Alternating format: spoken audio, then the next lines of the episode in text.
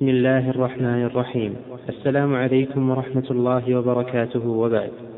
فهذا الدرس الحادي عشر من دروس فضيلة الشيخ سليمان بن ناصر العلوان حفظه الله تعالى.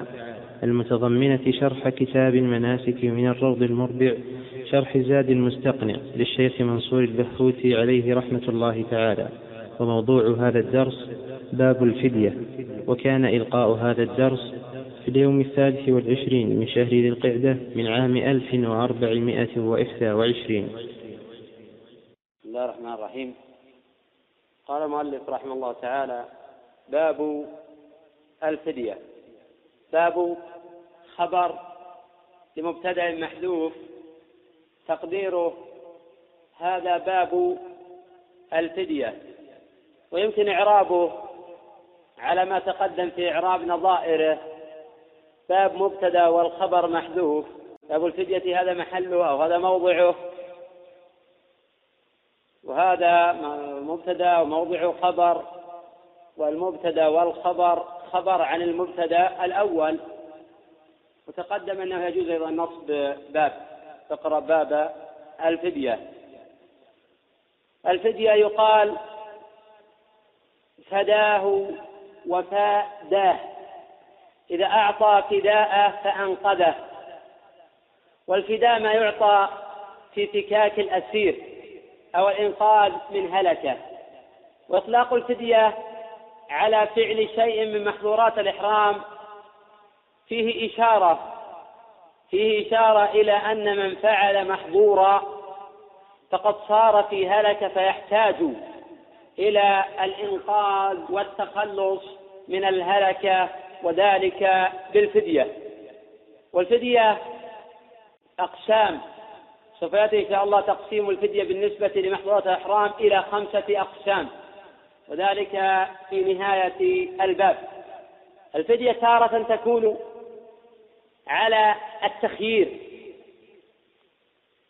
كالتخيير بين شيئين أو بين ثلاثة أشياء. وتارة تكون على وجه الإلزام. إما ببدنة أو بشاه. قال المؤلف رحمه الله تعالى يخير بفدية أي في فدية حلق فوق شعرتين. فمذهب الحنبلي أن من حلق فوق شعرتين لزمته الفدية. وهذه الفدية على التخيير بين إطعام ستة مساكين لكل مسكين نصف صاع وبين صيام ثلاثة أيام وبين ذبح شاة. وهذا مذهب الإمام الشافعي رحمه الله بينما قال فقهاء المالكية لا تلزم فدية الأذى إلا بأحد أمرين. أحدهما أن يحصل له بذلك ترفه. الثاني أن يزيل عنه الأذى. وحينئذ فحلق القليل من الشعر الذي لا يحصل به ترفه ولا إماطة أذى. ليس فيه فدية ولكن تلزم الصدقة. وقال أبو حنيفة رحمه الله إن حلق ربع الرأس فله حالتان. الأولى إن كان لعذر ففيه فدية الأذى أي على التخيير الثانية إن كان لغير عذر ففيه دم ولا تخيير. ففيه دم ولا تخيير. وأقل من الربع فيه صدقة نصف صاع من بر. وقد تقدم أن أهل الظاهر يقيدون الفدية بحلق الرأس كله ولا يمنعون حلق شعر اليدين. وقد تقدم أيضا أن النبي صلى الله عليه وسلم احتجم في رأسه والحديث في الصحيحين ولم يذكر فدية. فكان هذا دليلا على أن الفدية لا تلزم بحلق بعض الرأس. وإذا قيل في الفدية في حلق بعض الرأس فالأقرب أنها تلزم من حلق من شعر رأسه ما يحصل به إماطة الأذى. قال المؤلف وتقليم فوق ظفرين لأنه إذا قلم ظفرين ففيه صدقة عند جماعة من أهل العلم دون التخيير.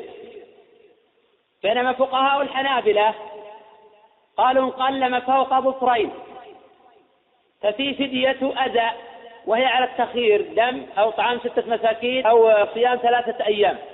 وهذا مذهب الإمام الشافعي رحمه الله تعالى. وقد تقدم بيان ذلك وتقدمت الإشارة إلى مذهب أبي حنيفة أنه انقطع أظفار يد واحدة. أو رجل واحدة في مجلس واحد لزمه دم. وإن قطع خمسة أظفار ثلاثة من يد ثلاثة من يد واثنان من الأخرى فعليه الصدقة. بينما قال الإمام مالك رحمه الله إن قلم ظفرين فصاعدا لزمته الفدية مطلقة. وقد تقدم قول أبي محمد بن حزم بأنه لا إثم ولا فدية.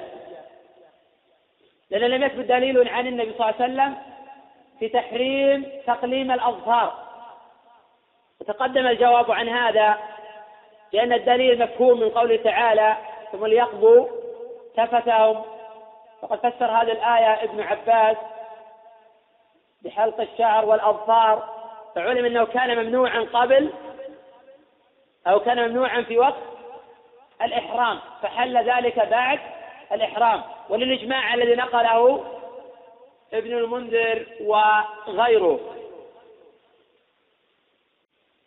فيحتمل يكون هذا من باب قول الصحابي الذي لا مخالف له أو من باب القياس على خلاف بين الفقهاء في العلة الجامعة بين الأظفار وحلق الرأس. وقد تقدم أن الراجع أنه لا فدية في تقليم الأظفار ولكن يأتم لقول ابن عباس ويضم إليه الإجماع المنقول في هذه المسألة. وأما الفدية فلا إجماع في ذلك. فقد قال عطاء ليس عليه فدية. قال المؤلف رحمه الله تعالى وتغطية رأس وطيب ولبس مخيط بين صيام ثلاثة أيام أو طعام ستة مساكين. أي أنه يخير إذا حلق أو قلم أو غطى رأسه أو تطيب أو لبس مخيطا بين صيام ثلاثة أيام أو طعام ستة مساكين لكل مسكين مد بر أو نصف ساع من تمر أو شعير. أعم من هذا يقال من فعل محظورا سواء كان حلق رأس أو تقليم أظفار أو تغطية رأس أو تطيب أو لبس ثوبا أو سراويل وهو يجد الإزار أو خفين وهو يجد النعلين فعليه فدية الأذى. فدية الأذى لم تثبت عن النبي صلى الله عليه وسلم إلا في من حلق رأسه بالنسبة لفعل المحظورات. وما عدا ذلك مقيس. باستثناء جزاء الصيد. وأما من تطيب أو قلم أظفاره أو لبس مخيطا فهذه مقيسة على حلق الرأس. وسيأتي إن شاء الله بيان العلة الجامعة عند هؤلاء. الدليل على التخيير في فدية الأذى ما جاء في الصحيحين. من طريق مجاهد عن عبد الرحمن بن أبي ليلى عن كعب بن عجرة أن النبي صلى الله عليه وسلم قال له لعله أذاك هوام رأسك. وقال قلت نعم يا رسول الله. قال احلق رأسك. وصم ثلاثة أيام أو أطعم ستة مساكين أو انسك شاه. قال مؤلف رحمه الله تعالى وأو للتخيير. وأو للتخيير. وعليه عمل أكابر أهل العلم. وهذا ظاهر القرآن. قال تعالى ففدية من صيام أو صدقة أو نسك. وهو ظاهر حديث كعب بن عجرة برواياته. وقد جاء في سنن أبي داود تصريح بذلك. فقال حدثنا موسى بن إسماعيل. قال أخبرنا حماد عن داود عن الشعبي عن عبد الرحمن بن أبي ليلى عن كعب بن عجرة. أن رسول الله صلى الله عليه وسلم قال إن شئت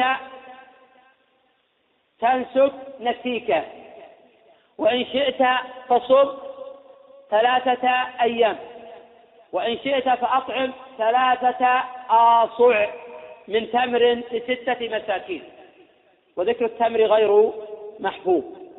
قال المؤلف رحمه الله تعالى وألحق الباقي بالحلق أي باقي المحظورات من الطيب واللبس وتقليم الأظفار وذلك بالقياس. والعلة الجامعة عندهم الترفه القياس له أربعة أركان أصل وفرع وحكم وعلة جامعة. الأصل في هذا الباب هو حلق الرأس. قد جاءت فيها الفدية على التخيير. الفرع الطيب اللباس تقليم الأظفار. العلة الجامعة الترفه. الحكم الفدية. لم يثبت دليل لا من الكتاب ولا من السنة ولا من قول صاحب أن العلة هي الترفه. لأن ثبت الترفه الترفه عن النبي صلى الله عليه وسلم في الاغتسال. والحديث متفق على صحته. لأن لو عللنا بالترفه لوجب النهي عن كل ترفه حتى الاغتسال. فذاك العلة في التحريم عن حلق الرأس غير واضحة إلا ما ذكر الله جل وعلا في كتابه. فمن كان منكم مريضا أو به أذى من رأسه. فقول بأن العلة إماطة الأذى أقرب من التعليل بالترفه. ولأن الترفه لا ضابط له. والصحيح أننا إذا عللنا فنعلل بإماطة الأذى ويرد علينا الخلاف السابق في تقليم الأظفار ما حد الفدية؟ وقد يقال أن حد الفدية بما يسمى جمعا. وهذا في من تعمد. أما الجال والناسي ومن انكسر ظفره فأزاله فلا شيء عليه في ذلك. قال المؤلف رحمه الله تعالى ويخير بجزاء صيد بين ذبح مثل إن كان له مثل من النعم أو تقويمه أو حرف عطف على تقويم معطوف على ذبح مثل أو تقويمه. تقدم أن قتل الصيد محرم. كما قال تعالى ولا تقتلوا الصيد وأنتم حرم. والمقصود بذلك الصيد البر. وقد تقدمت شروطه قال الله جل وعلا من قتله منكم متعمدا فجزاء مثل ما قتل من النعم. يحكم به ذوى عدل منكم هديا بالغ الكعبة أو كفارة طعام مساكين أو عدل ذلك صياما ليذوق وبال أمره. قوله تعالى أو كفارة طعام مساكين للتخيير. فيخير قاتل الصيد بين الجزاء بالمثل إن كان له مثل ففي النعامة بدنة وفي بقرة الوحش بقرة وفي الغزال عنز أو يذهب إلى الإطعام أو الصيام. وهذا مذهب الإمام أحمد ومالك وأبي حنيفة وأحد القولين عن الشافعي. وقيل أو للترتيب أي إذا لم يجد المحرم مثل ما قتل فكفارة طعام مساكين والأول أصح.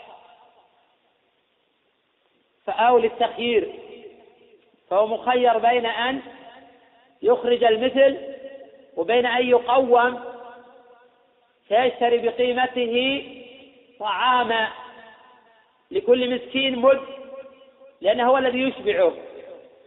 وبين أن يصوم عن كل مد يوما وبين أن يصوم عن كل مد يوما وقد تكون المدة شهرين أو ثلاثة أو أكثر. قال المؤلف فيطعم كل مسكين مدة إن كان الطعام برا ولا فمدين الصحيح أنه لا فرق بين طعام وطعام. فيخرج ما يشبعه والذي يشبعه مد. سواء كان من الأرز أو من البر أو من أي طعام يجزئ في الفطرة. ويأكله الناس. قال المؤلف أو يصوم عن كل مد من البر يوما. وهذا مذهب مالك والشافعي وأحمد وأكثر أهل العلم. وإن زاد الصيام على شهرين أو ثلاثة وقال أبو حنيفة رحمه الله تعالى يصوم عن كل مدين يوما اعتبارا بفدية الأذى ولأن نصف الصاع هو المقدر للمسكين والذي جرى عليه عمل الأئمة أن المد هو المقدر للمسكين.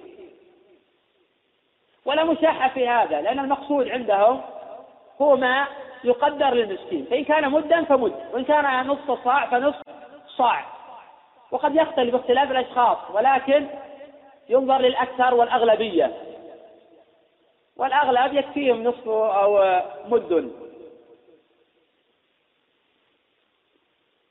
ومن أهل العلم من لا يرى يتجاوز في صيام الجزاء شهرين لأن هذا أعلى الكفارات. وصاحب هذا القول نظر للمشقة ولما قدره الشارع في أعلى الكفارات ولم يراعي ظاهر لفظ القرآن. فإن الله جل وعلا قال أو عدل ذلك أي عدل الطعام صياما.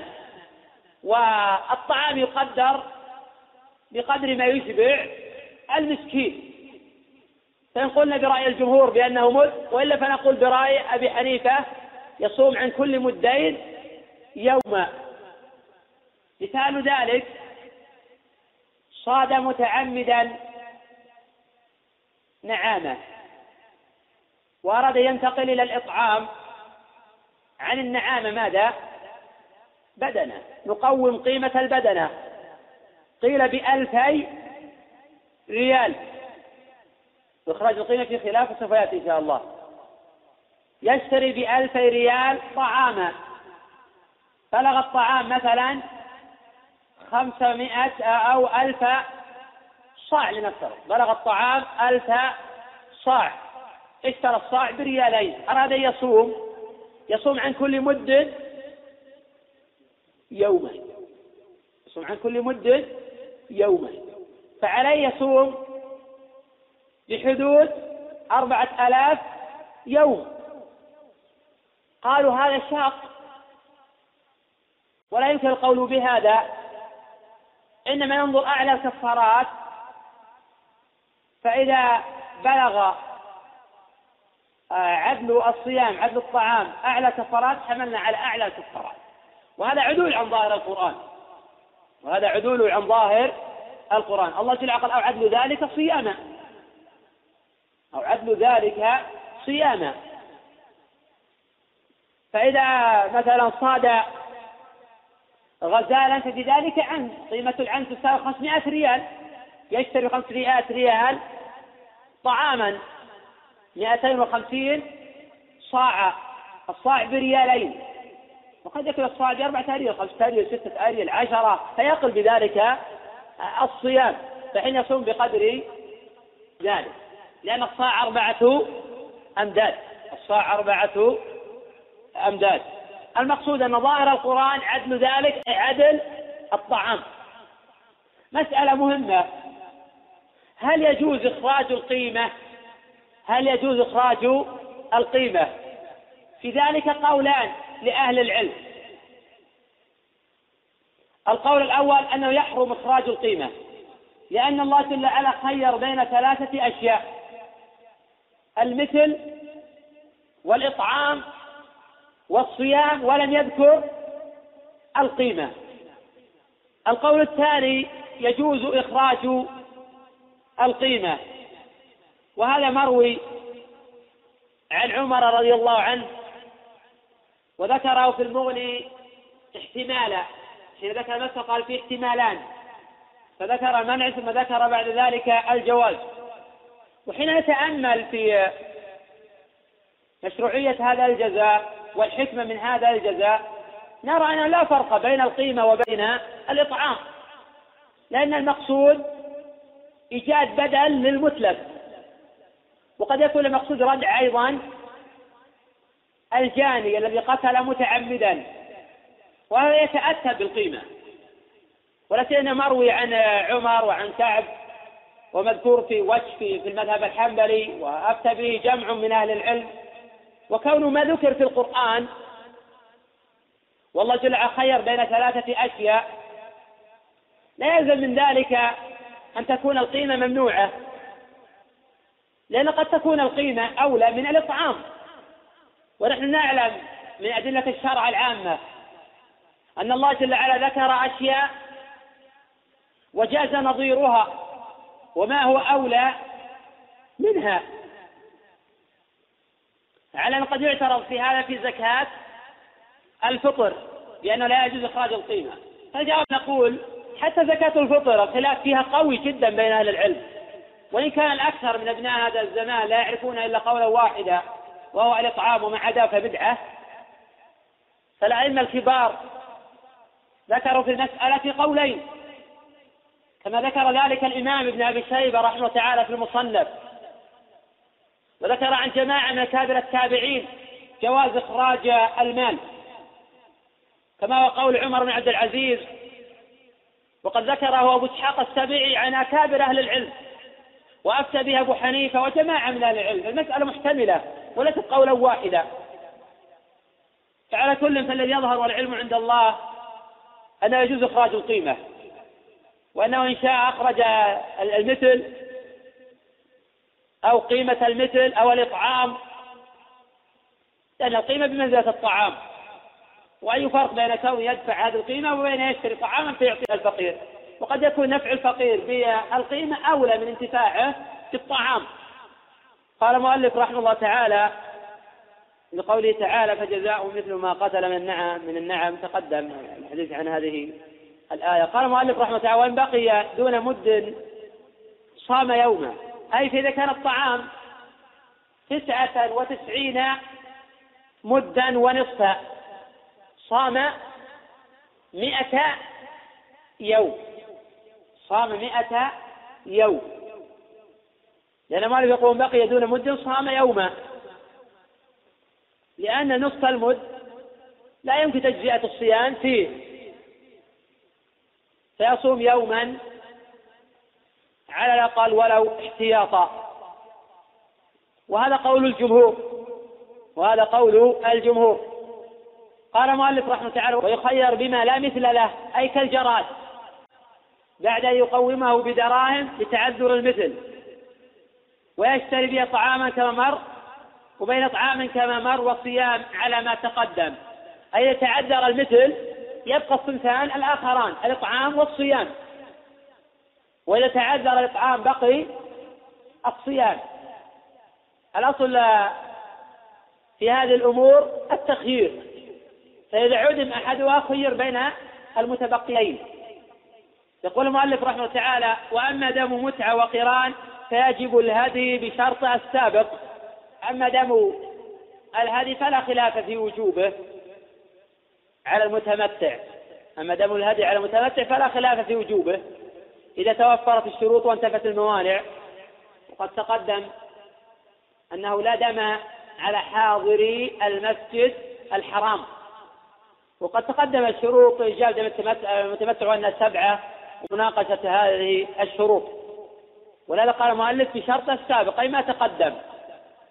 ولكن من اعتمر في أشهر الحج ثم حل ثم حج من عامه في هذه الأشهر فهذا وجب عليه دم التمتع. ولو سافر مسافة تقصر فيها الصلاة. لكن لو عاد إلى بلده انقطع تمتعه. فإن قيل وأي فرق بين كونه يعود إلى بلده وبين يسافر لبلد آخر. قد يكون أبعد من بلده. نقول لا يزال مسافرا. بينما إذا أنشأ السفر من بلده فهذا إنشاء جديد. فهذا الفرق بينهما. ولهذا أفتى عمر وابن عمر وجماعة من أكابر أهل العلم بهذا وأن إذا رجع إلى بلده انقطع تمتع وإذا لم يرجع إلى بلده لا ينقطع تمتعه. وأما دم القرآن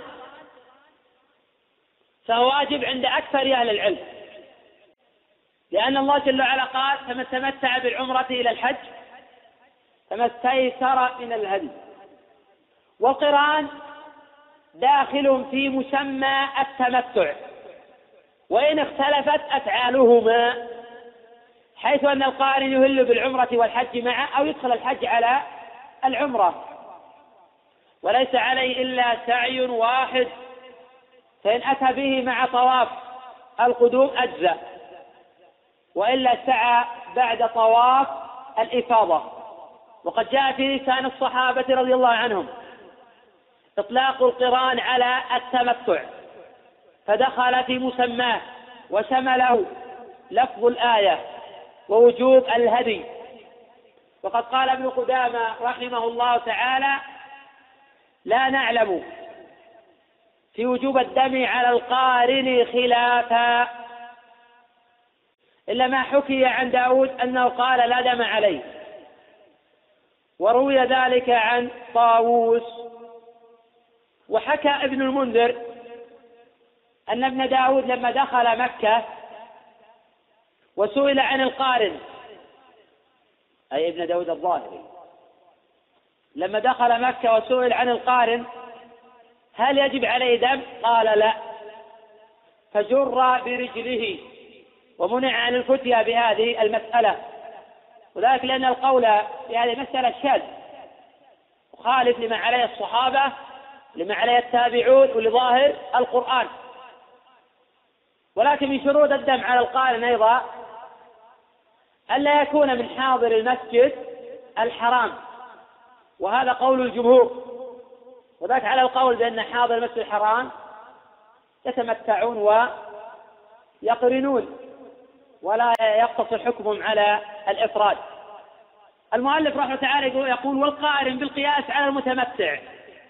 صحيح أن نقول إن عموم الآية تشمل القران وليس لمجرد القياس. ولهذا يقول بعض الصحابة تمتع رسول الله صلى الله عليه وسلم في أحاديث كثيرة. يطلقون لفظ التمتع على القران. ولهذا النبي صلى الله عليه وسلم ساق الهدي ونحر الهدي وكل من قرن معه نحر الهدي. وكما قال صلى الله عليه وسلم في الصحيحين فلا أحل حتى أنحر. وهذا واضح جدا. وقد قال ابن حزم رحمه تعالى في المحلى بأن لا دم على القارن إلا ما ساقه معه. وقد تقدم أيضا أن المشروع للقارن ألا يقرن إلا إذا ساق الهدي. فإذا لم يسق الهدي فلا يقرن في أصح قولي العلماء. والمفرد لا دم عليه اتفاقا. لمفهوم قول الله جل وعلا فمتمتع دخل في ذلك القارن والمتمتع أما المفرد فلا دم عليه. ولم يرد عن النبي صلى الله عليه وسلم إيجاب ولم يرد عن النبي صلى الله عليه وسلم إلزام للمفرد بالدم. فإن قيل لم يحج معه أحد مفرد. فالجواب قد حج معه مفردون كثيرون.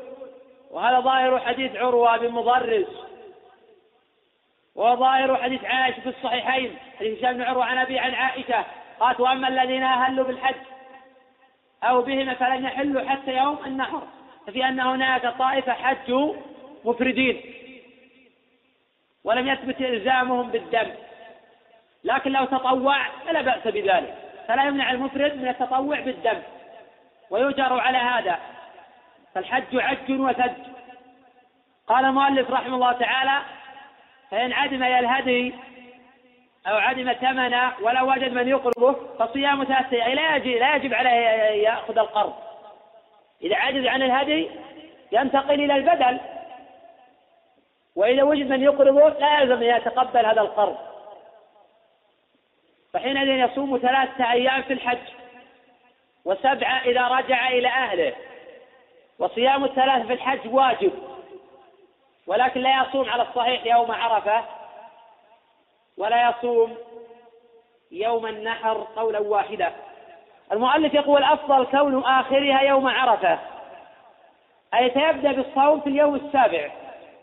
وهذا القول الأول في المسألة. وقيل يبدأ باليوم السادس. وينتهي يوم التروية بحيث يفطر يوم عرفات ليتأهب للدعاء. ولأن النبي صلى الله عليه وسلم لم يصم يوم عرفات. أما غير الحاج فيشرع له الصيام. أما الحاج فلا يشرع له الصيام على خلاف بين أهل العلم. وقيل لا يصوم حتى يحرم بالحج. لقوله تعالى في الحج. وقيل الأفضل تأخيرها أي الثلاثة إلى أيام التشريق. لقول عائشة وابن عمر في صحيح البخاري لم يرخص في صيام أيام التشريق لم يرخص في أيام التشريق أن يصمن إلا لمن لم يجد الهدي. وهل يشرع لغير الحاج أن يصوم أيام التشريق أم لا؟ قولان لأهل العلم. القول الأول قول الجمهور يحرم صيام أيام التشريق لغير الحاج لحديث نبيش الهدى في مسلم أن النبي صلى الله عليه وسلم قال أيام التشريق أيام أكل وشرب وذكر لله. والقول الثاني لا يمتنع. وفي نظر الصحيح الأول وأدلة قوية. ولكن يجوز للحاج إذا لم يجد الهدي. قال المؤلف رحمه الله تعالى وإن أخرها عن أيام منى صامها بعد وعليه دم مطلقا. قول صامها بعد أي قضاء وهو قول الجمهور. وقال أبو حنيفة لا يقضي وعليه دم لأنه قد فات محلها ومكانها. قال وعليه دم لأنه أخر العبادة عن وقتها فلزمه دم. وأكثر أهل العلم قالوا يلزمه القضاء والدم. وقال أحمد في رواية إن كان لعذر أي أخر الثلاثة عن أيام الحج لعذر لم يلزمه الدم ويلزمه القضاء. قال وإلا لزمه أي إذا أخر لغير عذر لزمه الدم. والصحيح في هذه المسألة أنه يأتم بالتأخير ولكن لا دم عليه. والأظهر أنه يقضي ما تركه. وهذا قول الإمام أحمد في إحدى الروايات عنه أنه لا دم عليه ولكن يقضي. وإذا لم يصم حتى فاتت أيام الحج وقدر فيما بعد على الدم هل ينتقل إليه أم يلزمه الصوم؟ هذه مسألة مهمة. إذا أخر الثلاثة عن أيام الحج وفاتت أيام الحج طبعا أثم بذلك لكنه قدر فيما بعد على الدم. هل يذبح الدم؟ أم أنه يصوم لأنه هو الذي وجب عليه ولزمه. قولان لأهل العلم رحمهم الله تعالى. القول الأول قال الإمام أحمد رحمه الله تعالى لا يرجع إلى الدم لأن عليه الصيام وقد وجب في ذمته فلم يجب عليه غير قضائه كصوم رمضان. وقيل يجوز العدول عن الصيام إلى الذبح. لأنه انتقال إلى الأعلى. ولأنه الأصل الأصل الذي وجب عليه. فحين وجد الأصل سقط البدل. والقول بهذا قول قوي. قال المؤلف رحمه الله تعالى وإذا رجع إلى أهله أي وصيام سبعة أيام إذا رجع إلى أهله. لقوله تعالى فمن لم يجد فصيام ثلاثة أيام في الحج وسبعة إذا رجعتم. ولا يلزم في ذلك التتابع. لا في الثلاثة ولا في السبعة إذا رجع إلى أهله. ولكن يجب التتابع في الثلاثة في حالة واحدة. ما هي هذه الحالة؟ إذا أخرها إلى أيام التشريق لأن حينئذ تنقضي. فمن الضروري أن يتابع. قال المؤلف رحمه الله تعالى وله أي السبع صومها بعد أيام منها. لأنه قد انتهى من أعمال الحج فلا يشترط أن يرجع إلى بلده. المهم أن يفرغ من المناسك. ومن أفعال الحج فحينئذ يجوز له أن يصوم السبعة. قال ولا يجوز تتابع ولا تفريق في الثلاثة. وهذا واضح. قال المؤلف المحصر يذبح هديا بنية التحلل. قال المؤلف رحمة الله تعالى المحصر يذبح هديا بنية التحلل. ما لم يشترط فإنه يحل بدون هدي. قال تعالى فإن احصرتم فما استيسر من الهدي. فإن كان مع المحصر هدي وجب عليه نحره بالاتفاق. والصحيح أيضا أنه ينحره في المكان الذي أحصر فيه سواء كان حلا أو حرما ولكن نحر في الحرم أولى للخروج من الخلاف في هذه المسألة. وإن تيسر إرساله فهذا أولى. فإن لم يتيسر أو شق عليه إرساله أو ذبحه في الحرم فيذبحه حيث أحصر لأن النبي صلى الله عليه وسلم ذبح في الحديبية وهي من الحلف بالاتفاق وقد ذهب إلى هذا القول مالك والشافعي وأحمد ورجحه ابن القيم رحمه الله تعالى في زاد المعاد المجلد الثالث. قال المؤلف رحمه الله تعالى وإذا لم يجد هديا صام عشرة أيام بنية التحلل. ذكر شيخ الإسلام رحمه الله تعالى في شرح العمدة قال لا يختلف المذهب أن المحصر يصوم عشرة أيام إذا لم يجد الهدي. قال رحمه الله تعالى واختلف أصحابنا في وقت صومهن وأكثرهم أنه يصومها قبل التحلل كالهدي. ولا يتحلل حتى يصومها. أضيف إلى هذا أقول وهذا أحد القولين. عن الإمام الشافعي رحمه الله تعالى وعنه في بدل هدي المحصر الإطعام وعنه في بدل هدي المحصر الإطعام فتقوم الشاة ويتصدق بثمنها طعاما أو بقيمتها ويتصدق بقيمتها طعاما. وقال مالك وأبو حنيفة عليهما رحمة الله ليس له بدل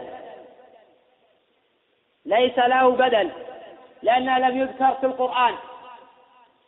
ولا يصح قياس ذلك على دم المتمتع. لأن الله جل وعلا قال في من لم يجد دم المتمتع فصيام ثلاثة أيام في الحج وسبعة إذا رجعتم. ففي انتقال من حكم إلى بدل. بينما قال الله جل وعلا في المحصر فإن احصرتم فما استيسر من الهدي ولا تحلقوا رؤوسكم. ولم يذكر لدم المحصر بدلا بل انتقل من حكم إلى آخر. وهذا القول قوي بحيث أنه يسقط آه، البدل عن دم الإحصار والصيام أحوط وأبرى للذمة. ولا سيما أن الخلاف في ذلك قوي وأن الانتقال من حكم إلى آخر مشروع في الجملة. كالرجل الذي فاته الحج. يتحلل بعمرة وعليه هدي فإذا عجز صام يعوض بالبدل. كما أفتى بذلك أكابر آل العلم. وقد يقال أن المحصر نظير من فاته آه، الحج. وقد يقال أن ظاهر الآية لا لأن الله جل وعلا ذكر في من لم يجد دم المتمتع الصيام ولكن لم يذكر ذلك في الإحصار. انتقل لحكم آخر ولا تحلقوا رؤوسكم والعلم عند الله. قال المؤلف رحمه الله تعالى قياسا على المتمتع أنه يجب على من لم يجد هديا أي المحصر يصوم. قياسا على المتمتع. قال واجب بوطء في فرج في الحج قبل التحلل الأول بدنه. وبعده شاة. أي بعد التحلل الأول شاة. وقد تقدم الحديث عن ذلك. قال فإن لم يجد البدنة صام عشرة أيام. ثلاثة في الحج وسبعة إذا رجع لقضاء الصحابة. أي لقضاء الصحابة بالبدنة في من جامع قبل التحلل الأول. فإذا عجز عن البدنة فإنه يصوم. والصيام مقيس على بدل دم المتعة. وهذا المشهور في مذهب أحمد ومالك. ونظير ذلك أيضا من فاته الحج. يتحلل بعمرة ويهدي. فإن لم يجد صام وقال مجموعة أو جماعة من فقهاء الشافعية تقوم البدن دراهم والدراهم طعاما فيتصدق به. وقال أبو حنيفة رحمه الله تبقى في ذمته حتى يقدر عليها. تبقى في ذمته حتى يقدر عليها. لأنه بدل عن الواجب. وقد يقال بالتخيير بين كل هذه الأمور إما أنه ينتظر حتى يجد أو يطعم كما قال بعض الفقهاء الشافعية أو أنه يصوم. قال المؤلف رحمه الله تعالى ويجب بوطء في العمرة شاة وقد أفتى بذلك ابن عباس وغيره رواه البيهقي في السنن الكبرى وقال الأفضل ناقة والمجزئ شاة. وقيل تجب الناقة. وقد تقدم شيء من ذلك في بحث سابق. الصحيح أن الشاة مجزئة. صحيح أن الشاة مجزئة ولا تجب بدنة ومن هذا من جامع بعد التحلل الأول. تجزئ شاة قال المؤلف وتقدم حكم المباشرة قال وإن طاوعته زوجته لزمها. لأن ما ثبت في حق الرجال ثبت على النساء. فالأصل العموم ولزوم الفدية على المباشر للمحظور ونظير ذلك الجماع في نهار رمضان. تجب الكفارة على الزوجين في أصح قولي العلماء. ولا تسقط إلا عن المكره والناس والجاهل. وقال بعض أهل العلم تجزي كفارة واحدة عنهما والأول أصح. قال المؤلف رحمه الله تعالى والمكره لا فدية عليها. وهذا ظاهر أدلة الكتاب والسنة قال المؤلف ولا شيء على من فكر فأنزل وتقدم ذلك. ثم قال والدم الواجب لفوات أو ترك واجب كمتعة. قوله والدم الواجب لفوات أي الحج. أي لفوات الحج. وقد اتفق أهل العلم على أن الحاج إذا فاته الوقوف بعرفة في وقته فقد فاته الحج. ووقت عرفة ما بين زوال الشمس من يوم عرفة على قول إلى أن يطلع الفجر من يوم النحر. فمن فاته الحج تحلل بعمرة. قيل وعليه بدنه والقول الثاني عليه شاه. وهو الصحيح. ومقصود المؤلف رحمه الله تعالى في قوله والدم الواجب لفوات أو ترك واجب كمتعة أي أن الدم الواجب لفوات الحج وترك الواجبات كدم المتعة يذبح هديا فإن لم يجد صام عشرة أيام. ومن هذا الباب يعني باب الفدية من هذا الباب من باب الفدية أو يدخل في باب الفدية نقول تنقسم محظورات الإحرام من حيث الفدية إلى أقسام.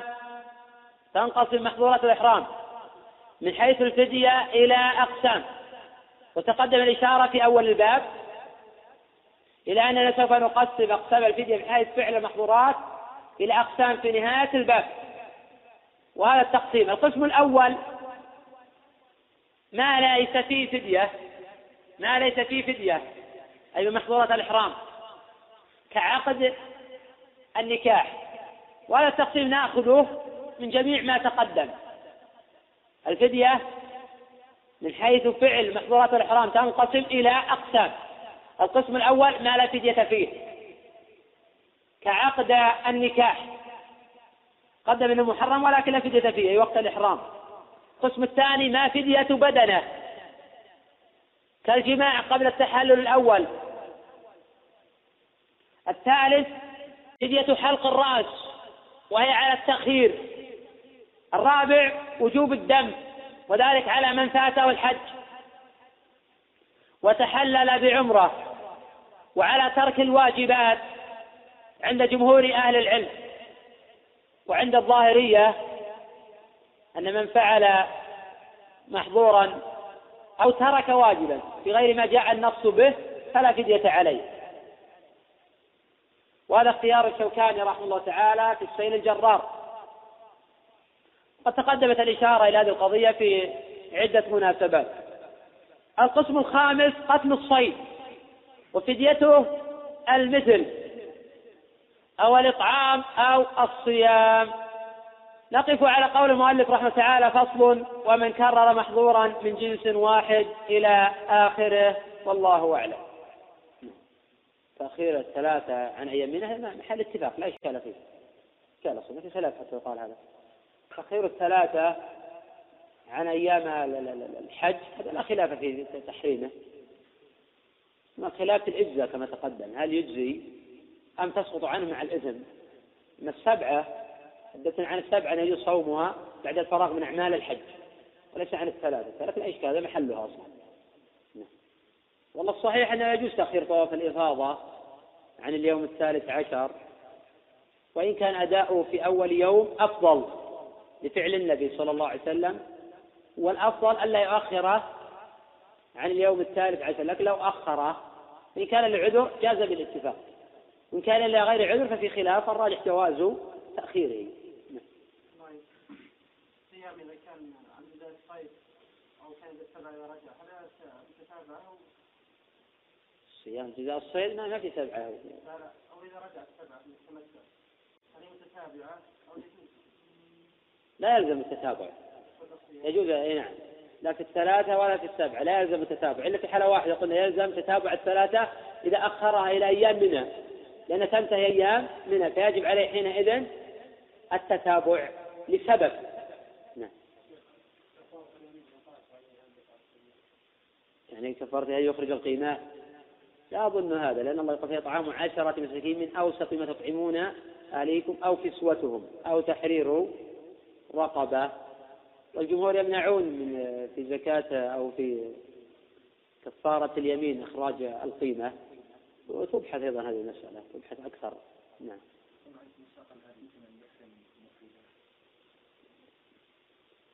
من ساق الهدي فإن كان في أيام العشر يجب عليها القران. وقبل العشر في خلاف بين أهل العلم رحمه الله تعالى. والراجح أنه من ساق الهدي يقرن ولا يفرد لأن الإفراد أقل مرتبة من القران وإن كانت أعمالهما واحدة غير أن الإفراد لا دم فيه والقران في دم فهو أفضل من غيره. زيادة على هذا أن القران هو فعل النبي صلى الله عليه وسلم. بخلاف الإفراد وبعض العلماء يرى أنه منسوخ كما هو مذهب ابن حزم وبعض العلماء يرى أن من طاف البيت وسعى ولم يسق الهدي وجب عليه الفسخ. كما هو مذهب ابن عباس وجماعة من أهل العلم. فمن ساق الهدي لا يفرد يقرن ومن لم يسق الهدي يتمتع. نعم. والله لا ظهر المنع. المنع إذا ساق الهدي يمتنع معه الإفراد بس مجرد يعني التلبية الأعمال واحدة يعني. يشكل في هذا كل شيء تقصد هذا العمل؟ والأعمال واحدة. لكن عوض عن يقول لبيك حجا يقول لبيك عمرة وحجا. فإن كان قد لبى بالحج وقد ساق الهدي أقول أدخل العمرة على الحج فيزول الإشكال.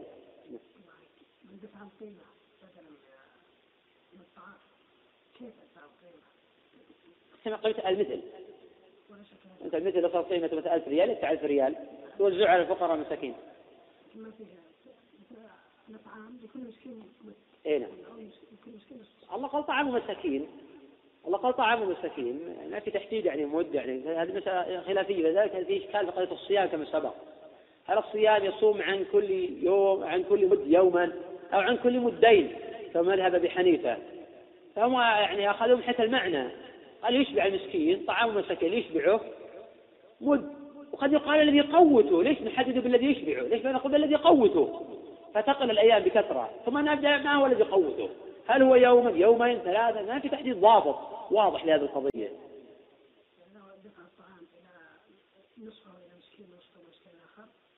يشبعه يعني آه، دفعة واحدة. يبقى الصيام. الطعام ما في إشكال إذا أراد يدفعه. الراجح نعم يجوز. يعني ما يلزم أن يعطي كل مسكين مدا لو أعطى مسكين واحد عشرة أمداد. الراجح جوازه. لكن لو أراد يعدل عن الإطعام إلى الصوم هنا يبقى الإشكال. هل يصوم عن كل عشرة أمداد يوما باعتبار أنه أعطى هذا الرجل عشرة أمداد؟ هنا في الإشكال. الظاهر لا. الظاهر لا أنه يصوم عن كل مد لأنه هو اللي يشبع المسكين.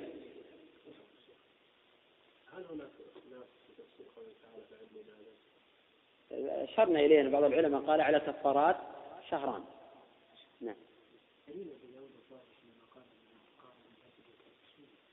والله ما هناك دليل واضح لا لداود ولا لابنه ولا للإمام الحزم ولا لهؤلاء الأئمة الذين قال أن القارئ لا دم عليه إلا أنه ما ذكر في القرآن ولا جاء إجابه في السنة. قال وأما قوله تعالى فمن تمتع بعمرته إلى الحج قالوا هذا في من طاف البيت السعى وحل. أما القيران الذي لا يحل من إحرامه حتى يوم النحر قال لا يدخل في ذلك. وفي هذا نظر صحيح لا يدخل في ذلك لأنه داخل في مسماه كما تقدم إراد هذا. نعم.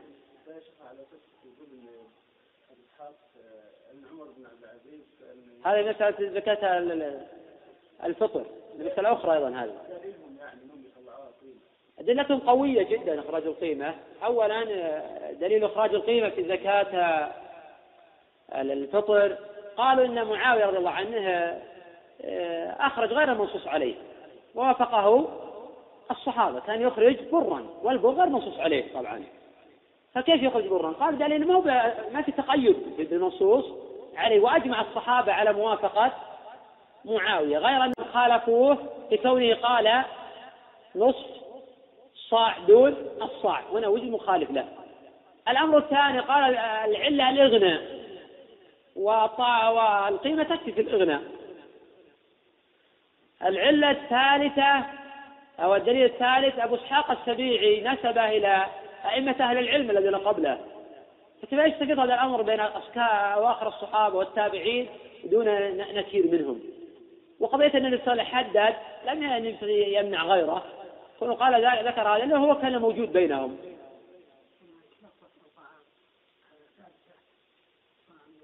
إيه في البخاري.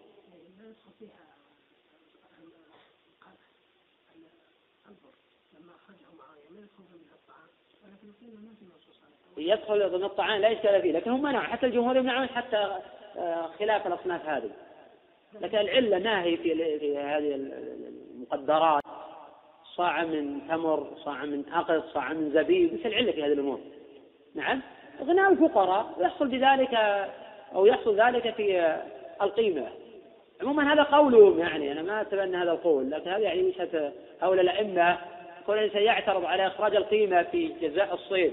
قياسا على منع القيمة في زكاة الفطر نقول في نظر لأن الأصل غير متفق عليه. الله أعلم. بسم الله الرحمن الرحيم. السلام عليكم ورحمة الله وبركاته وبعد. فهذا الدرس الثاني عشر من دروس فضيلة الشيخ سليمان بن ناصر العلوان حفظه الله تعالى المتضمنة شرح كتاب المناسك من الروض المربع شرح زاد المستقنع للشيخ منصور البحوثي عليه رحمة الله تعالى. وموضوع هذا الدرس فصل في من كرر محظورا من محظورات الإحرام. وكان إلقاء هذا الدرس في اليوم الرابع والعشرين من شهر ذي القعدة من عام ألف وأربعمائة وإحدى وعشرين. بسم الله الرحمن الرحيم. قال المؤلف رحمه الله تعالى فصل. المؤلف رحمه تعالى لم يترجم لهذا الفصل بباب لأنه تابع لما قبله. ولكنه رحمه الله فصله عما قبله تفريعا تنشيطا لطالب العلم. وهذا الفصل معقود في بيان حكم الفدية في من كرر محظورا وبيان ما يسقط بالنسيان وما لا يسقط. المؤلف رحمه الله تعالى يقول ومن كرر محظورا من جنس واحد بأن حلق أو قلم أو لبس مخيطا أو تطيب أو وطئ. ثم أعاده ولم يفت لما سبق فدى مرة سواء فعله متتابعا أو متفرقا لأنها أفعال من جنس واحد لا تتفاوت كفاراتها. أفعال من جنس واحد لا تتفاوت كفاراتها بكثرتها. فتداخلت كما لو فعلها متصلة. وللشافعية في ذلك قولان. أحدهما تتداخل كما هو مذهب أو المشهور من مذهب أحمد. والثاني لا تتداخل لأنها في أوقات مختلفة. فكان لكل وقت من ذلك حكم نفسه. وقال بعض أهل العلم إن فعلت في مجلس واحد فكفارة واحدة وإن تعددت المجالس فلكل فعل كفارة وإن لم يكفر عن الأولى. والصحيح من هذه المذاهب أنه يلزم عن الجميع كفارة واحدة سواء تعدد المجلس أم لا. ولكن إن فعل محظورا ثم كفر ثم أعاده مرة أخرى فإنه يكفر حينئذ ثانية. وهذا بعد تحقق وهذا بعد تحقق كون المحظور مما تجب فيه الكفارة. فبعض المحظورات التي تذكرها الفقهاء لا دليل على كونها محظورة ناهيك عن وجوب الكفارة. وبعضها ثبت أنه محظور لكن لا دليل على الكفارة. المؤلف رحمه الله تعالى قال وإن كفر عن السابق ثم أعاد لزمته الفدية ثانية وهذا المشهور في مذهب أحمد وعليه أكثر الأصحاب. وقال النووي رحمه الله تعالى في المجموع وإذا كفر عن الأول قبل فعل الثاني فيلزمه للثاني كفارة. يلزم للثاني كفارة أخرى قال بلا خلاف. وقد يريد بذلك المذهب الشافعي. يقول لأن الأول استقر حكمه بالتكفير كما لو زنى ثم حد ثم زنى فإنه يحد ثانية. قال المؤلف مستثنيا قال بخلاف صيد ففيه بعدده ولو في دفعة واحدة. أي كلما صاد صيدا فعن كل مقتول كفارة. ولو صاد مجموعة برمية واحدة فيجب عليه عن كل مقتول كفارة. وهذا ظاهر مذهب الإمام أحمد. وإليه ذهب أكثر أهل العلم. والقول الثاني لا يجب إلا في المرة الأولى. وهذا مروي عن ابن عباس وشريح وسعيد بن جبير ومجاهد. لأن الله يقول ومن عاد فينتقم الله منه ولم يوجب جزاء. وقد يكون مقصود هؤلاء إذا عاود القتل بخلاف ما إذا صاد مجموعة بدفعة واحدة. ظاهر كلامهم أنه لا يقتضي هذا. والقول الثالث المسألة التفصيل. قالوا إن كفر عن الأول فعليه للثاني كفارة. وإلا فلا شيء عليه لأنها أفعال من جنس واحد فتتداخل كالحلق والطيب وسائر المحظورات. وهذه الأقوال الثلاثة. روايات في مذهب الإمام أحمد رحمه الله تعالى. والقول الأول أقرب للصواب لأن جزاء الصيد بدل متلف متعدد فتتعدد الكفارة بتعدده. وذلك كدية الآدمي وكفارته. وقوله تعالى ومن عاد فينتقم الله منه. ليس فيها دلالة واضحة على عدم تعدد الجزاء بتعدد القتل. كما قال تعالى ومن يقتل مؤمنا متعمدا فجزاؤه جهنم. ولم يمنع هذا وجوب الدية والقود لذلك لو أتلف صيدين معا وجب جزاؤهما وكذلك إذا تفرقا. قال المؤلف رحمه الله تعالى ومن فعل محظورا من أجناس بأن حلق وقلم أظفاره ولبس المخيط فدأ لكل مرة أي لكل جنس فديته الواجبة فيه. وهذا المشهور في مذهب الإمام أحمد رحمه الله تعالى. وعن أحمد رواية أن في الطيب واللبس والحلق فدية واحدة. وهذا مروي عن الحسن البصري وبه قال الإمام مالك رحمه الله. وهذا هو الصحيح على القول بوجوب الفدية على من فعل هذه المحظورات. ما عدا حلق الرأس. فذلك منصوص عليه في الكتاب والسنة والإجماع. يعني حين نقول بوجوب الكفارات في هذه الأمور فإن الواجب كفارة واحدة لمن قلم أظفاره ولبس مخيطا. أي إذا تعددت المحظورات فتجب كفارة واحدة. ولكن لو قلم أظفاره على القول بالفدية ثم فدى ثم لبس مخيطا تلزم فدية ثانية لأنه كفر عن الأولى. أما إذا لم يكفر ولو تعددت المحظورات تجب عليه كفارة واحدة. ومن هذا ترك الواجبات.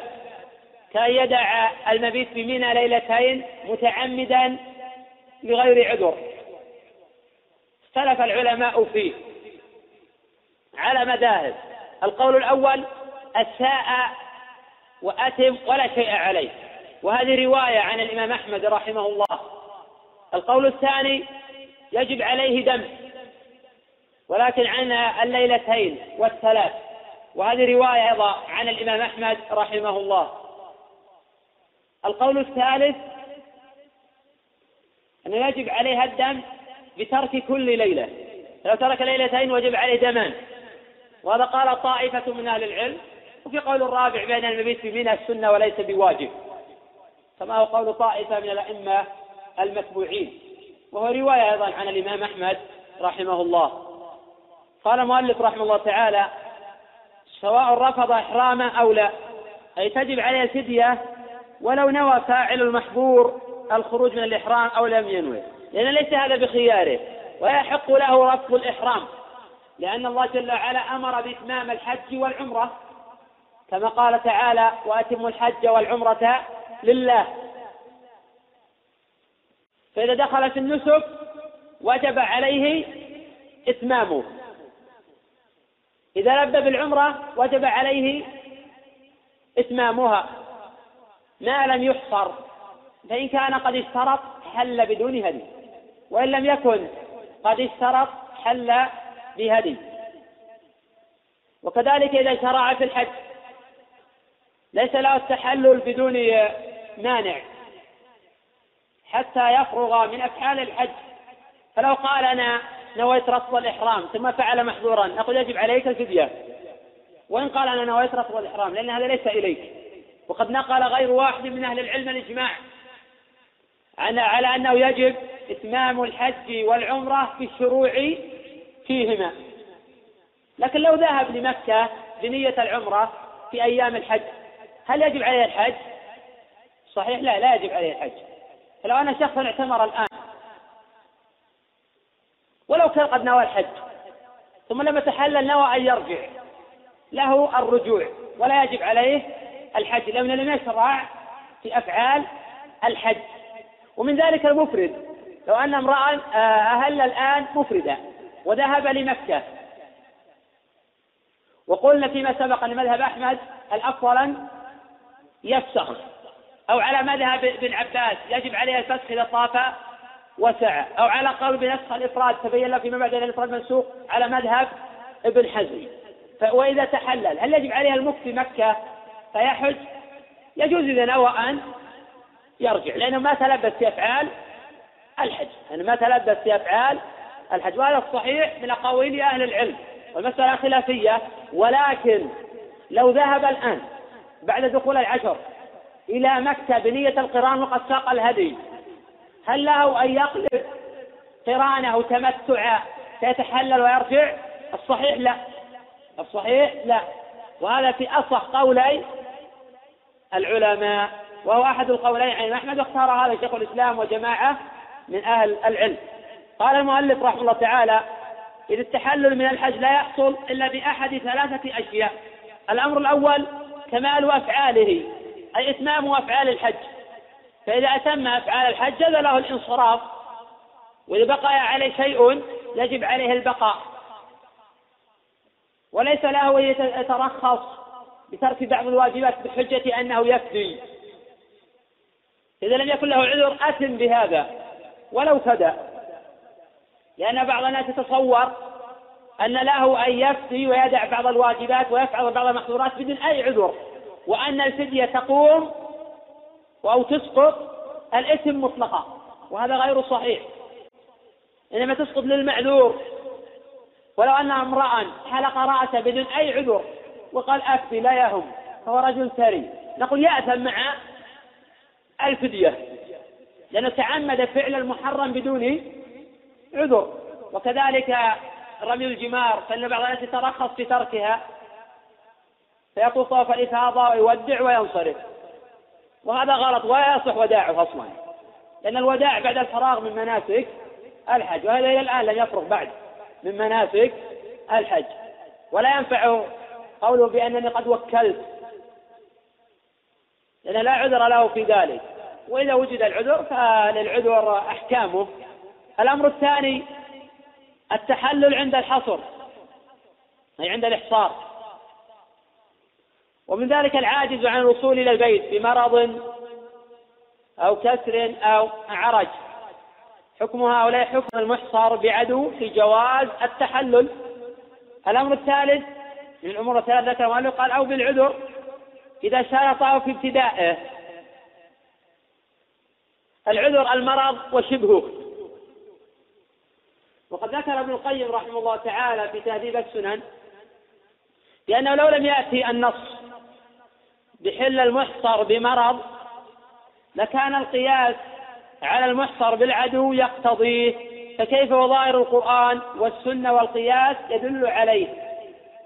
وقد تقدم بحث قضية الحائض. هل يصح اشتراطها أم لا؟ في ذلك احتمالان. أحدهما الجواز. فتتحلل حين الحيض وامتناع القدرة على الجلوس وانتظار الطهر والقول الثاني المنع لأن هذا أمر قد انعقد سببه في عهد النبي صلى الله عليه وسلم وفي عهد الصحابة. وأمكن فعله فلم يفعلوه.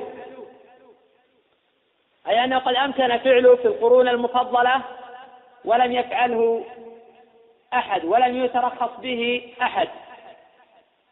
ولأن الحيض أيضا يمكن معرفة زمنه ووقت مجيئه بخلاف المرض وشبهه. وقد تقدم أيضا أن من اشترط يتحلل بدون هدي ولكن يحلق رأسه لأن النبي صلى الله عليه وسلم أمر أصحابه الذين نحسوا أن يحلقوا رؤوسهم كما جاء هذا في صحيح البخاري.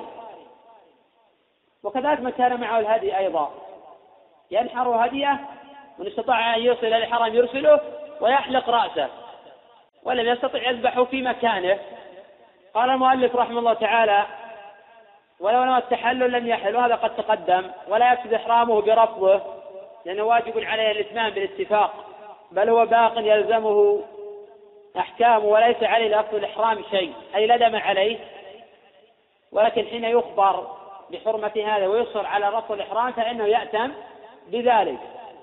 قال المؤلف رحمه تعالى ويسقط بنسيان أو جهل أو إكراه فدية لبس وطيب وتغطية رأس. لحديث عفي لأمة عن الخطأ والنسيان وما استكره عليه. تقدم أن كل المحظورات تسقط بالنسيان والجهل والإكراه. بما في ذلك الجماع وجزاء الصيد في أصح قولي العلماء. والمؤلف رحمه الله تعالى ذكر ثلاثة أمور فدية اللبس والطيب وتغطية الرأس. لأن مذهب الحنبل يمنعون أو لا يعذرون بالجهل ولا بالنسيان في فدية الوقت وفي الصيد وفي تقليم الأظفار وفي الحلق. وهذا في المشهور عنهم وسيأتي إن شاء الله. الصحيح من مذهب أحمد في ذلك. استدل المؤلف رحمه الله على قوله بحديث عفي لأمتي عن الخطأ والنسيان وفكره عليه. وهذا الحديث جاء من حديث أبي ذر ذر الغفاري وأبي هريرة وابن عباس ولا يصح من ذلك شيء. فحديث أبي ذر رواه ابن ماجه في سننه من طريق أبي بكر الهذلي عن شار بن حوشب عن أبي ذر رضي الله عنه. وأبو بكر الهذلي متروك الحديث وشار بن حوشب ضعيف الخبر على الصحيح. وحديث أبي ذر أو حديث أبي هريرة رواه ابن ماجه وغيره بلفظ إن الله تجاوز لأمتي. عما توسوس به صدورها ما لم تعمل به أو تتكلم وما استكره عليه. وهذا الخبر متفق على صحته. بدون قوله وما استكره عليه فهي زيادة منكرة وحديث ابن عباس رواه ابن ماجه وغيره أيضا من طريق الوليد بن مسلم. قال حدثنا الأوزاعي عن عطاء عن ابن عباس. وفي انقطاع بين عطاء وابن عباس وإن كان قد سمع منه في الجملة لكنه في هذا الحديث لم يسمع منه. والواسطة بينهما عبيد بن عمير وهو ثقة. ولكن الخبر أنكره الإمام أحمد رحمه الله تعالى. وأصح شيء في هذا الحديث رواية الأوزاعي عن عطاء عن عبيد بن عمير مرسلا بدون ذكر ابن عباس. وهذا هو المحفوظ. وقد جاء أيضا في صحيح الإمام مسلم من طريق آدم بن سليمان عن سعيد بن جبير عن ابن عباس أن الله جل وعلا قال قد فعلت في قوله تعالى ربنا لا تؤاخذنا إن نسينا أو أخطأنا. قال الله قد فعلت. والحديث في صحيح الإمام مسلم. وقد قال تعالى ربنا لا تؤاخذنا إن نسينا أو أخطأنا. فالآية ذكرت النسيان والخطأ. فنأخذ الإكراه من أدلة أخرى إلا من أكره وقلبه مطمئن بالإيمان. والخطأ يشمل الجهل والتأويل. والخطأ يشمل الجهل والتأويل. قال المؤلف رحمه الله تعالى ومتى زال عذره أزاله في الحال؟ أي زال عذره من نسيان أو جهل أو إكراه؟ لأن أخبر أو زال نسيانه. وجب عليه إزالته في الحال. فإن لم يفعل أثم في ذلك. ولا شيء عليه أصح قولي العلماء. قال المؤلف دون فدية وطء وصيد وتقليم وحلق فتجب مطلقا لأن ذلك إتلاف فاستوى عمده وسهوه كمال الآدمي. وهذا المشهور في مذهب الإمام أحمد. وإليه ذهب الإمام الشافعي رحمه الله. وقال أبو حنيفة ومالك الجاهل والمكره والناس حكمهم حكم العامل. سواء كان المحظور إتلافا أم لا. وعن أحمد رحمه الله تعالى بأنه لا كفارة عليه مطلقا. وعنه قال بخلاف قتل الصيد فإنه من باب ضمان المتلفات فهو كدية القتل. وأما الحلق والتقليم والوط فليس من باب الإتلاف. فإنه لا قيمة له في الشرع ولا في العرف وهذا اختيار شيخ الإسلام ابن تيمية وابن القيم وجماعة. والصحيح في المسألة أنه لا شيء على الناس. ولا المكره ولا الجاهل في كل المحظورات سواء كان محظور طيبا أو لبسا أو كان المحظور وطئا أو صيدا أو تقليم أظفار أو حلق رأس. وهذا اختيار جماعة من أهل العلم. قد تقدم أنه رواية عن الإمام أحمد. واختار ذلك شيخ الإسلام وابن القيم إلا في جزاء الصيد.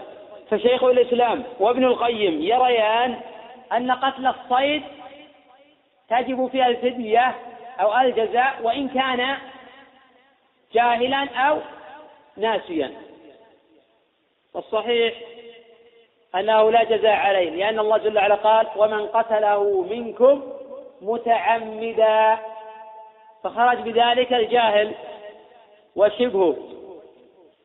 فهو بريء الذمة لما أن ضمان الصيد ليس حقا لآدمي فيلحق بماله ونحوه إنما هو حق لله فيسقط بالنسيان والجهل.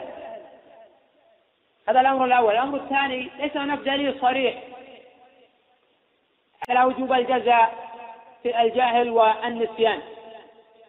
وأما قول الزهري وغيره على المتعمد بالكتاب وعلى المخطئ بالسنة فيجاب عن ذلك فيقال تقيد السنة بالكتاب. يقال تقيد السنة بالكتاب. حين جاءت الأدلة عامة فهي مقيدة بكتاب الله جل وعلا ولا لم يكن لقوله متعمدا معنى. وهذا هو الذي اختاره الشنقيطي رحمه الله تعالى في أضواء البيان. قال المؤلف رحمه الله تعالى وإن استدام لبس مخيط أحرم فيه ولو لحظة فوق المعتاد من خلعه فدى. والقول الثاني أنه لا فدية عليه. وأولى في ذلك المعذور. كالذي يركب الطائرة أو الذي ركب الطائرة وحين وقت الإحرام لم يجد إزارة ورداءه أو وجد وتضايق عليه الوقت. فإنه ينوي الدخول في النسك وينزع فيما بعد. وينزع فيما بعد ملابسه ولا شيء عليه. قال المؤلف رحمه الله وكل هدي أو إطعام يتعلق بحرم أو إحرام كجزاء صيد ودم متعة وقران ومنذور وما وجب لترك واجب أو في محظور في الحرم فإنه يلزمه ذبحه في الحرم. قوله في الحرم هذا قيد عند جماعة من أهل العلم لأنه إذا فعل المحظور خارج الحرم. جاز له أن يذبح أو أن يطعم خارج الحرم. ولكن قال إذا فعله في الحرم وجب عليه في الحرم. وبالنسبة لفدية المحظور الصحيح يجوز أداؤها في كل مكان كما تقدم لأنه لم يثبت دليل على هذا. ولا يصح قياس هذا على جزاء الصيد. ولأن كعب بن عجرة حين قال له النبي صلى الله عليه وسلم يؤذيك هوى مرافق؟ قال نعم. قال احلق رأسك وانسك شاة وهذا وهذا كان في الحديبية. كما جاء في بعض طرقه والحديث متفق عليه بدون ذكر الحديبية. وعلى كل كان في الحل لم يكن في الحرم. وحين أمر أن يسترد الفدية لم يقل له يجب عليك فعلها في الحرم. وتأخير البيان عن وقت الحاجة لا يجوز. وحين ذكر ابن حجر هذا القول في فتح الباري قال وعلى هذا أكثر التابعين. ذكر الحافظ ابن حجر حين ذكر هذا القول قال وعلى هذا أكثر التابعين. وأما بالنسبة لترك الواجب فأكثر أهل العلم أن الدم يكون في الحرم وهذا اجتهاد وقياس وليس عليه نص. وأما بالنسبة لجزاء الصيد فهذا نص القرآن هديا بالغ الكعبة. وأما بالنسبة لدم المتعة والقران فالمسألة خلافية. فقد قال جماعة من فقهاء الشافعية يجوز ذبح هدي المتعة والقران خارج الحرم إذا فرقه في الحرم. وعكس هذا آخرون فقالوا يجب الذبح في الحرم وله التصدق به خارج الحرم.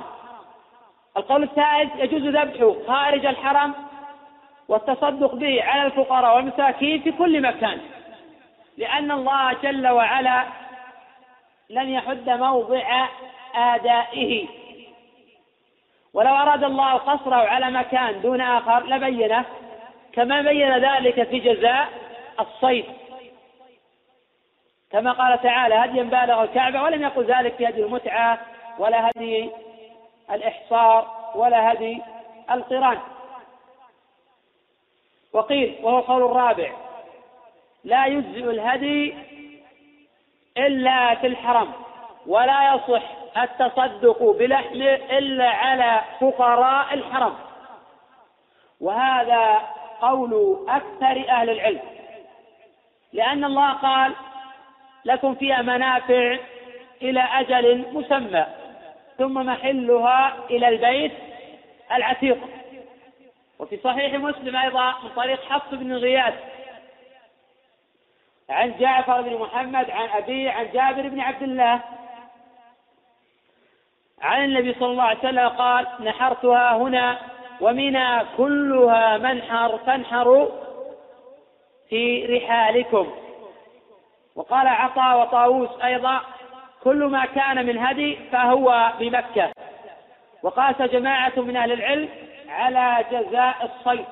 ولكن قد يقال ولكن قد يقال إن هذه الآية والأدلة السابقة تفيد الاستحباب وليست دلالتها صريحة على اشتراط ذبح الهدي في الحرم. فقول ثم محلها إلى البيت العتيق على وجه الاستحباب لا على وجه الاشتراط. وقوله صلى الله عليه وسلم نحرتها هنا أي على وجه الاستحباب وليس على وجه الاشتراط ولأن الأصل في أفعال النبي صلى الله عليه وسلم الاستحباب لا الإيجاب حتى يثبت دليل يدل على ذلك. وقد يجاب عن هذا فيقال خرج فعله صلى الله عليه وسلم بيانا للآية. ولقوله صلى الله عليه وسلم ولتأخذوا عني مناسككم كما جاء هذا في صحيح مسلم. ولأنه لم ينقل عن صحابي قط. أنه ذبح أو أجاز الذبح خارج الحرم. ولكن لو ذبح شخص خارج الحرم جاهلا أو متأولا أجزاء ولا يؤمر بالإعادة. وإن كان عالما فلا يذبح إلا في الحرم. قال المؤلف رحمه الله تعالى ويلزمه تفرقة لحمه أو إطلاقه لمساكين الحرم لأن القصد التوسع عليهم. ثم ذكر بعد ذلك قال وإن سلمه لهم حيا فذبحوه أجزاء وإلا رده وذبحه. والمؤلف عفى الله عنه لم يذكر الأكل من الهدي فقد اقتصر في الإشارة إلى التصدق به على فقراء الحرم والمساكين.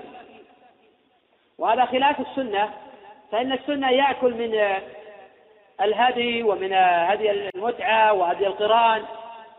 بخلاف الجزاء فإنه لا يأكل منه شيئا. وكذلك المنذور على خلاف بين أهل العلم في المنذور قال علي رضي الله عنه أمرني النبي صلى الله عليه وسلم أن أقوم على بدنه وأن أقسم لحومها وجلالها وجلودها. الحديث وهو متفق على صحته. وفي صحيح الإمام مسلم حديث جابر الطويل قال فنحر صلى الله عليه وسلم ثلاثا وستين بيده ثم أعطى عليا فنحر ما غبر وأشركه في هديه. ثم أمر من كل بداة ببضعة فجعلت في قدر فطبخت فأكل من لحمها وشرب من مرقها, مرقها وهذا الأكل على وجه الاستحباب عند أكثر أهل العلم. وقيل بأن هذا الأكل واجب والقول الأول هو المشهور. قال المؤلف رحمه الله تعالى وفدية الأذى أي الحلق واللبس ونحوهما كطيب وتغطية رأس وكل محظور فعله خارج الحرم ودم الإحصار حيث وجد سببه. هذا استثناء عما تقدم أو هذا استثناء مما تقدم ذكره. أي أن فدية الأذى من الحلق واللبس ونحوهما وجميع المحظورات التي فعل خارج الحرم فإنه يؤدي الكفارة حيث وجد السبب ولكن تقدم أنهم يقولون لو وجد السبب في الحرم وجب عليه في الحرم. وقال المؤلف يقول ودم الإحصار حيث وجد سببه من حل أو حرم. لأنه صلى الله عليه وسلم نحر هديه في موضعه في الحديبية وهي من الحل. وقد تقدم الإشارة إلى الخلاف في هذه المسألة. فقيل يجب ذبحه بالحرم. أي ذبح هدي المحصر. قيل يجب هذا في الحرم. وهذا مذهب أبي حنيفة لقوله تعالى حتى يبلغ الهدي محله. قالوا محله أي الحرم. وقيل يذبح المحصر الهدي حيث يحل سواء كان في الحل أو في الحرم. وهذا مذهب الجمهور. وقيل إن كان قادرا على أن يبعث به. إلى الحرم لم يحل حتى يبلغ الهدي محله. وإن كان لا يستطيع نحره مكانه. وهذا قول ابن عباس. ذكره عن البخاري في صحيحه. الصحيح في المسألة رأي الجمهور. أن المحصر يذبح الهدي حيث يحل وكان في الحل أو في الحرم. لأنه صلى الله عليه وسلم نحر هدي في الحديبية وهي من الحل باتفاق أهل العلم. وأما قوله تعالى حتى يبلغ الهدي محله أي مكان الذي يحشر فيه وليس المعنى محله أي آه، الحرم. وقد تقدم بحث هذه المسألة والإشارة إليها. قال المؤلف رحمه تعالى ويجزي في الحرم أيضا. لو قال والأفضل في الحرم لكان أولى. لأن كونه مجزيا هذا لا إشكال فيه. الخلاف في الجواز ليس الخلاف في الإجزاء. الأفضل يقول المؤلف والأفضل بالحرم. قال المؤلف ويجزي الصوم والحلق بكل مكان. ونقله بعض أهل العلم اتفاقا. وقد ذكر في مبدع أنه لا يعلم خلافا في ذلك. وهذا قول طائفة. أي نقل الحكاية الاتفاق. قول طائفة من أهل العلم أو نقله طائفة من أهل العلم. والسبب ذلك لأنه لا يتعدى نفعه لأحد فلا فائدة في تخصيصه في الحرم أو في مكان آخر. بخلاف الدم لا ينتفع فيه الفقراء. ويعلل في الدم قد ينتفع فيه الفقراء. فقراء الحرم وغيرهم أيضا. لم يثبت دليل على تخصيص فقراء الحرم إلا في جزاء الصيد كما قال الله جل وعلا هديا بالغ الكعبة. أما في فدية المحظورات فدية ترك الواجبات فالمسألة مسألة قياس وهو قول الأكثر. أما دليل على ذلك فليس في المسألة نص على ذلك. وأما دم المتعة والقران فقد تقدم أن أكثر العلماء يرونه في الحرم ويوزع على فقراء الحرم والمسألة خلافية وقد سبق قبل قليل الإشارة إلى مذاهب أهل العلم. قال المؤلف رحمه الله تعالى والدم المطلق كأضحية شاة. جذع الظان ما له ستة أشهر قال أو سني معز ما له سنة. قال أو سبع بدنة إذا كانت منوية قبل ذبحها.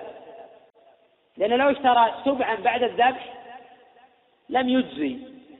ولكن لو شارك أناسا يريدون ذبح بدنة وكان من نيته أن المذبوح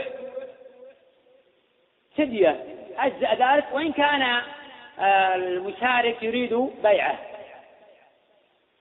قال المؤلف رحمه الله تعالى فإن ذبحها فأفضل وتجب كلها. أي إن ذبح عن الشاة سبع البدنة بقرة فهذا أفضل. ولكن إذا ذبح البقرة يجب عليه آه، كلها. يأكل بعضها ويوزع الآخر. وليس له آه، أخذ السبع والانتفاع بالآخر ببيع أو هبة للأثرية ونحو ذلك. هذا القول الأول. القول الثاني صحيح أنه لا يلزمه إلا سبوعها وهذا اختيار أبي محمد بن حزم وهو الصحيح. فإذا أراد أن يهدي شاة أو أن يذبح شاة في دم المتعة وذبح بعيرا ونوى السبع لدم المتعة والباقي أراد أن يبيعه نقول يجوز ذلك. نقول يجوز ذلك ولا شيء فيه. مسألة يجب في الهدي ما يجب في الأضحية من اعتبار السن والسلامة من العيوب. وهذا قول أكثر أهل العلم. وحكاه جماعة إجماعا والقول الثاني في المسألة أنه لا يجب كما قال ابن ابن حزم رحمه الله تعالى في المحلى ويجزئ في الهدي المعيب. والسالم أحب إلينا. قال الجمهور بأنه لا فرق بين الهدي وبين الأضحية. قالوا والهدي إذا أطلق إنما يكون صحيحا إذا كان على الوجه المشروع فلا يجزي حينئذ المعيب ولا الصغير. والدليل عندهم هو القياس. وباعتبار أن ابن حزم لا يرى القياس قال إن الله جل وعلا يقول فما استيسر من الهدي؟ سواء ذبح صغيرا أو معيبا أجزأ.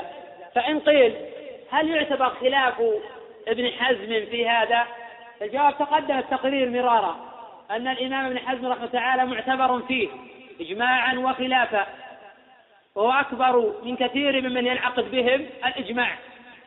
ولكن قد يقال بأن المسائل التي خالف فيها ابن حزم إذا كانت من جهة القياس لا يعتبر قوله. لأنه مخالف لإجماع الأمة في اعتبار القياس الشرعي. ولكن إذا كان يحتج بدليل أو المسألة مسألة استدلال فقوله كقول غيره من العلماء. إذا كانت المسألة مسألة قياس فلا يعتبر قوله في ذلك لأنه لا يرى القياس أصلا. وقوله في إبطال القياس قول ضعيف. فالأدلة متواترة على إثبات القياس ولا يمكن التفريق بين متماثلين أو الجمع بين متضادين. ويمكن بحث هذه المسألة في مجال آخر. المراد هنا الإشارة أنه يجب في الهدي ما يجب في الأضحية على رأي الجمهور ودليل الجمهور القياس ودليل ابن حزم أننا أنه يجب عليه إطلاق ما أطلق الله. وإن كان القياس هذا قد يشكل عليه بأن الهدي واجب والأضحية سنة على الصحيح. يجاب عن هذا فيقال أنه لا يلزم في القياس اتحاد الحكم إيجابا أو استحبابا. وقد تقدم في درس الأمس شروط أو أركان القياس الأصل والفرع والحكم والعلة الجامعة. والعلة الجامعة. قال المؤلف رحمه الله تعالى وتجزئ عنها أي عن البدنة بقرة ولو في جزاء الصيد. لأن كل منهما تجزئ عن سبعة. لأن كل منهما تجزئ عن سبعة. فقد جاء في صحيح مسلم من طريق مالك عن أبي الزبير عن جابر بن عبد الله قال نحرنا مع رسول الله صلى الله عليه وسلم عام الحديبية البدنة عن سبعة والبقرة عن سبعة. وفي أيضا طريق أبي خيثمة عن أبي الزبير عن جابر قال خرجنا مع رسول الله صلى الله عليه وسلم مهلين بالحج. فأمرنا رسول الله صلى الله عليه وسلم أن نشترك في الإبل والبقر. كل سبعة منا في بدنة. وقد جاء في صحيح مسلم أيضا أن البقرة من البدن. وهل تجزئ البقرة عن البدنة في جزاء الصيد؟ في ذلك قولان لأهل العلم. وهما روايتان في مذهب أحمد. والمؤلف رحمه تعالى يقول تجزئ البقرة عن البدنة لأن كل منهما عن سبعة فكل منهما يقوم مقام الآخر. القول الثاني لا تجزئ البقرة عن البدنة لأن الجزاء تعتبر فيها المماثلة. كما قال تعالى فجزاء مثل ما قتل من النعم قال المؤلف رحمه الله تعالى وعن سبع شياه بدنة أو بقرة مطلقة. أي تجزى البدنة عن سبع شياه. وتجزى البقرة عن سبع شياه. فإذا اجتمع سبعة في متعة الحج في بدنة أو في بقرة أجزأت عنهم. ولو وجب في قتل الصيد شاة. هل يخرج بدنه؟ قيل نعم لأن البدنة أفضل. والله جل وعلا فجزاء مثل من قتل من النعم. أي فلا يجب أكثر مما يستحق لكن لو تبرع به أجزى وصح. ولكن هل يجزي عن البدنة سبع شياه في جزاء الصيد؟ في خلاف. حيث لو قتل نعامة. في النعامة بدنة. هل يخرج سبع شياه ظاهر الآية لا لأن الله جل وعلا يقول فجزاء مثل ما قتل من النعم والمثلية تقتضي أن يخرج بدنه. وقيل لا مانع من ذلك يعني الشياه السبع تقوم مقام البدن. والأولى إخراج البدنة لكن لو أن رجلا أخرج سبع شياه أجزأت والأول أولى والله أعلم. نعم. والله الظاهر لا. قوله تعالى فكلوا منه وأطعموا البائس الفقير. الآية وإن كانت جاءت بصيغة الأمر فإنهم كانوا يتحرجون عن الأكل فجاء الأمر بناء على تحرجهم. لكن ما يفيد الأكل أو وجوب الأكل. إنما يفيد جواز الأكل. فنأخذ الاستحباب أيضا أدلة آه، أخرى. ونظير هذا إذا قالك الرجل آه أدخل تقول نعم ادخل تأمر. وأنت لا تريد الأمر إنما بناء على آه، سؤاله. فلذلك الأمر ما يفيد الوجوب في السؤال ولا فيما إذا جاء للسبب سيتحرج رجل من شيء. فحينئذ تأمره بفعل الشيء لا يفيد أنك توجب عليه الشيء. ولكن بناء على تحرجه. حين كانوا يتحرجون من الأكل بناء على ما كانوا عليه في وقت الجاهلية أمرهم الله جل وعلا آه، بذلك. فلو الأمر هنا للاستحباب لا للإجابة. وهذا اللي فهمه أكثر أهل العلم. القول الثاني في من أخذ من الآية الوجوب. واستدل على ذلك بفعل النبي صلى الله عليه وسلم حين أمر ب آه، يؤخذ له من كل بدنة قطعة فتطبخ ثم أكل وشرب من المرق. قالوا هذا الفعل خرج بيانا للأمر في الآية.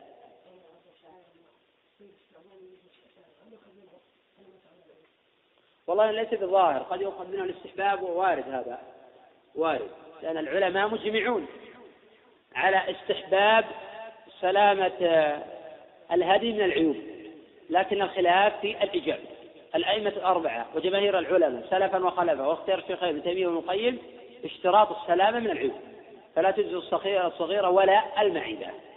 ولا أعلم أحدا خالف ذلك سوى الإمام ابن حزم رحمه الله تعالى فإنه يقول إن الله جل وعلا يقول فما استيسر من الهدي ولم يوجب ولم يشترط ولم يجي قياس الهدي على الأضحية فهذا واجب وهذا مستحب. وإن قل بوجوب الأضحية كما هو القول الثاني في المسألة قد يقال على مذهب ابن حجر لا يصح القياس مطلقا ليس باعتبار هذا واجب وهذا هذا مستحب. والله مو بالظاهر اشتراط الحاضر نقول بأنه بدعة لا يظهر لي هذا. مسألة فيها احتمالان وأنا أردت الاحتمالين هل تشترط الحيض أم لا؟ الاحتمال الأول نعم باعتبار أنه يلحق بأنه نوع من أنواع الأمراض نوع من أنواع الأعذار لأنه قد تهل ثم بعد ذلك يجب عليها الإتمام ولا تستطيع البقاء. فحين يحصل لها مشاكل بالرجوع قد يطع زوجها أو قد تكون غير متزوجة ثم تتزوج من بعد وهي محرمة. وأشياء كثيرة جدا. والقول الثاني بين هذا الأمر انعقد سببه ووجد مقتضاه في عصر في القرن الأول والثاني والثالث ولم يفعلوا شيئا من ذلك. فهذا يدل على المنع. ولأن المرأة تستطيع أن تقدر وقت مجيء الحيض تتفادى ذلك فيما بعد. بخلاف المرض الذي يصيبه والكسر والحوادث والإحصار في العدو ونحو ذلك هذا مثل هذا لا يمكن تقديره. في العبادات وفي غير المسائل محتملة المسألة هنا محتملة باعتبار وجود يعني ظواهر آه، نصوص عامة هل يلحق الحفظ بالمرض أم لا؟ ليس مجرد إصدار الأحكام بأن هذا عمل بدعة أو هذا عمل غير بدعة. مراد تقرير المسألة وبيان وجه مأخذ كل فريق مع أن الأئمة السابقين ما بحثوها وإنما هذا الاحتمالان مني. ورد احتمالا ورد احتمالا آه، آخر. حيث الإنسان يتفتح للإستنباط والفهم تعمق المسائل باعتبار أن الحفظ نوع من أنواع الأعذار فهل هذا العذر يلحق بهذا أم لا؟ ولأن السلف ما بحثوا هذه القضية وقالوا يمتنع. حتى نقول سلم في آه، المسألة.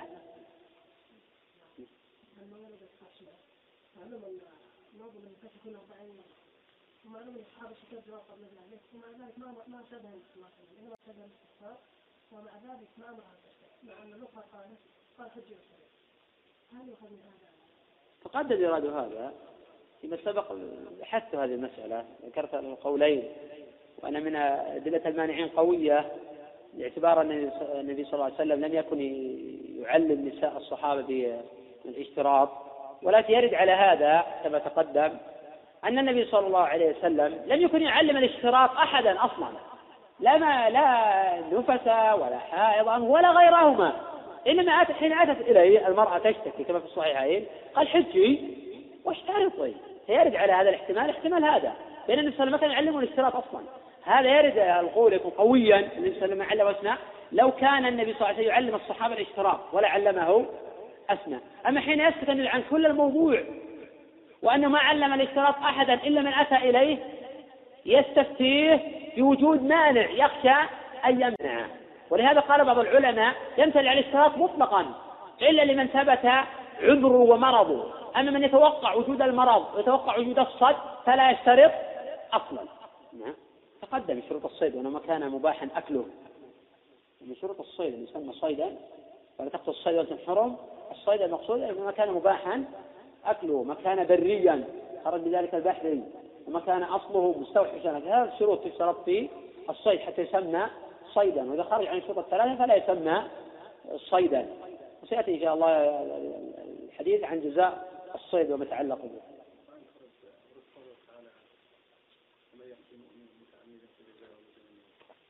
نعم.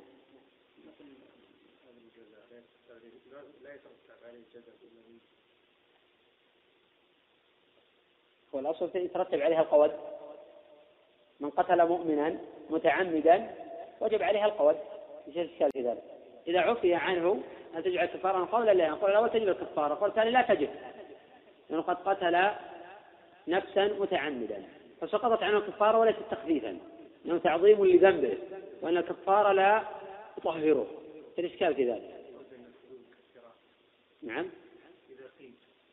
حتى لو كانت حدود مكفرات صاحب الحق يبحث عن حقه. وهذه المسألة بحثها ابن القيم بحثا موسعا في الجواب الكافي. إذا قيم الحد والقود والقصاص على الجاني هل برئت ذمته من حق المقتول أم لا؟ في تفصيل أهل العلم. منهم من قال تبرأ ومنهم من قال لا تبرأ مطلقا. منهم من قال إنه إذا تاب توبة نصوحة فإن الله جل وعلا يعوض المقتول اذا على توبة. هذا القاتل وهذا قول قوي. وعيد جهنم هذا بنصوص الوعيد ولا يعني التخليد لأن الآية ليست فيها التخليد أبدا. لما جاء التخليد والمراد في القرآن إذا أطلق الخلود فالمراد مكتب طويل. وإذا قيل أبدا هذا يقتضي ألا نهاية له أبدا.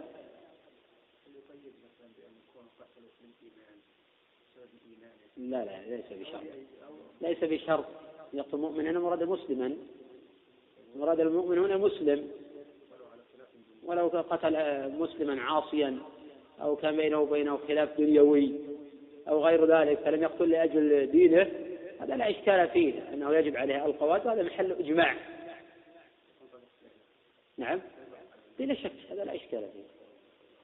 نعم. اي نعم. اي نعم.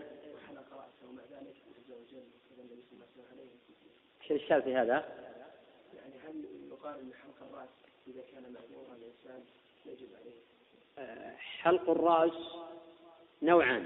النوع الأول أن يحلق متعمدا سواء كان لعذر أو لغير عذر فتجب عليها الفدية في الإجماع. النوع الثاني أن يحلق جاهلا أو ناسيا فلا شيء عليه في ذلك لأن الله جل وعلا يقول ربنا لا تؤاخذنا إن نسينا أو أخطأنا. ولأنه قد عفي عنه خطأه فلم يتقصد. فحديث كعب بن عجرة متعمد. والمتعمد وإن كان معذورا تجب عليه الفدية كفارة لفعله. بخلاف الجاهل أو الناس أو المكره لم يقصد أصلا. وإن كان قاصد فقد أخطأ. وكما يفصل في قضايا أخرى. الرجل في سبق اللسان يعفى عنه الشخص. وقد لا يعفى عنه في مسائل أخرى. نعم. وتنظر في المسألة ويبحث القضية وتجمع الأدلة ومن بعضها إلى بعض حتى يمكن الوصول إلى النتيجة. وإن كان كان قد تقدم استظهار القول بأن الحيض لا تشترط وأنه أقوى من القول الآخر ولكن لا مانع من النظر في القضية وبحثها والتعمق فيها وعدم التعجل في إصدار الحكم حتى يطمئن قلب الإنسان لرأي الراجح. نعم تقدم هذا. الإمام ابن حزم رحمه الله تعالى يقول فما استيسر من الهدي. أي شيء تيسر معيبا أو غيره صغيرا أو كبيرا ذبحه. الجمهور قال المعنى فيما تيسر أي من بهيمة الأنعام. فلا يلزم الإبل دون البقر ولا البقر دون الغنم. ولا الغنم دون الإبل أو البقر ما تيسر من بهيمة الأنعام. ولهذا قال الله جل وعلا من الهدي ولم يقل ما تيسر من هدي فكونه عرف الهدي بالألف واللام ففي دلالة وإيماء إلى الهدي المخصوص المعروف عندهم. والهدي إذا أطلق هو ما برئ من العيوب. ولو قال الله جل وعلا فما استيسر من هدي بالتنكير لكان في دلالة أو إيماء إلى القول الثاني وإنه أي هدي معيبا أو غيره. لكن حين قال الله جل وعلا استيسر من الهدي بالألف واللام عرف أنه الهدي المقصود.